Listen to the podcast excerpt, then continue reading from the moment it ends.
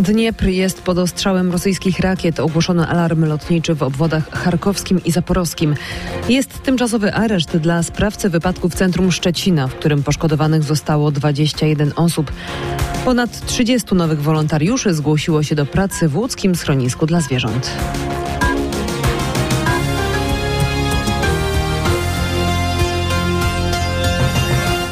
Około godziny 2.15 czasu lokalnego w Dnieprze doszło do eksplozji.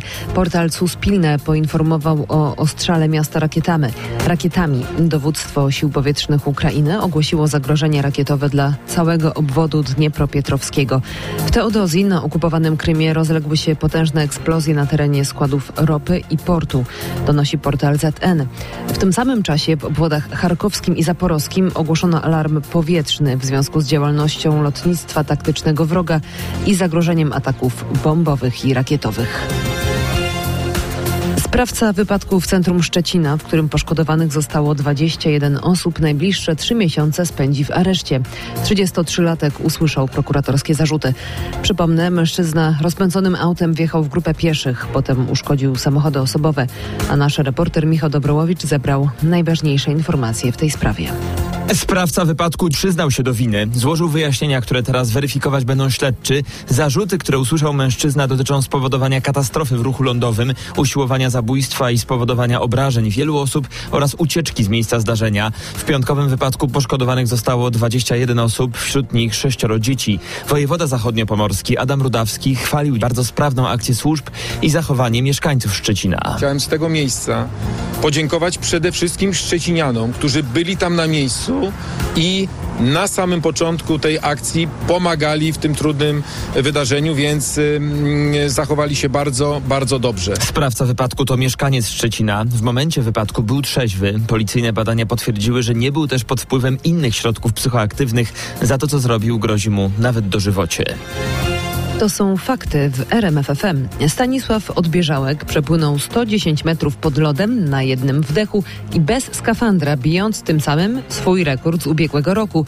Rekord Guinnessa we freedivingu pozostał więc na swoim miejscu. Do rywalizacji w Norwegii stanęło troje innych śmiałków, ale nasz rodak był bezkonkurencyjny.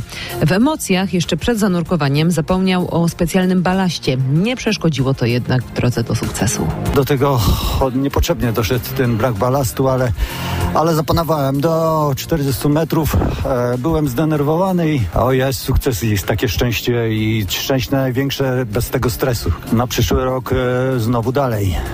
115, 120, zobaczymy. Było ciężko, psychicznie było ciężko, fizycznie wiedziałem, że jestem przygotowany. Mówił nam Stanisław Odbieżałek. Zdjęcia z tego niezwykłego wyczynu mamy na rmf24.pl. Do pracy w łódzkim schronisku dla zwierząt zgłosili się nowi wolontariusze. To 30 osób. Będą pomagać pracownikom i zachęcać do adopcji zwierzaków.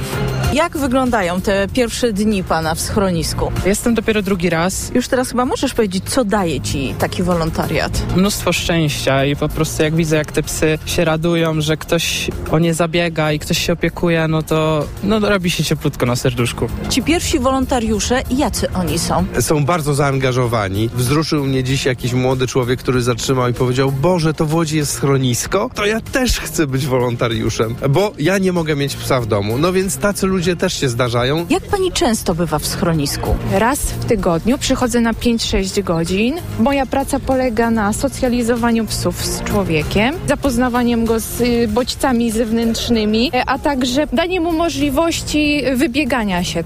Z wolontariuszami Damianem Szulcem i Agatą Kostrzewską-Kaczmarek oraz dyrektorem schroniska Albertem Kurkowskim rozmawiała nasza łódzka dziennikarka Agnieszka Wederka. Radio, muzyka, fakty. RMFFM.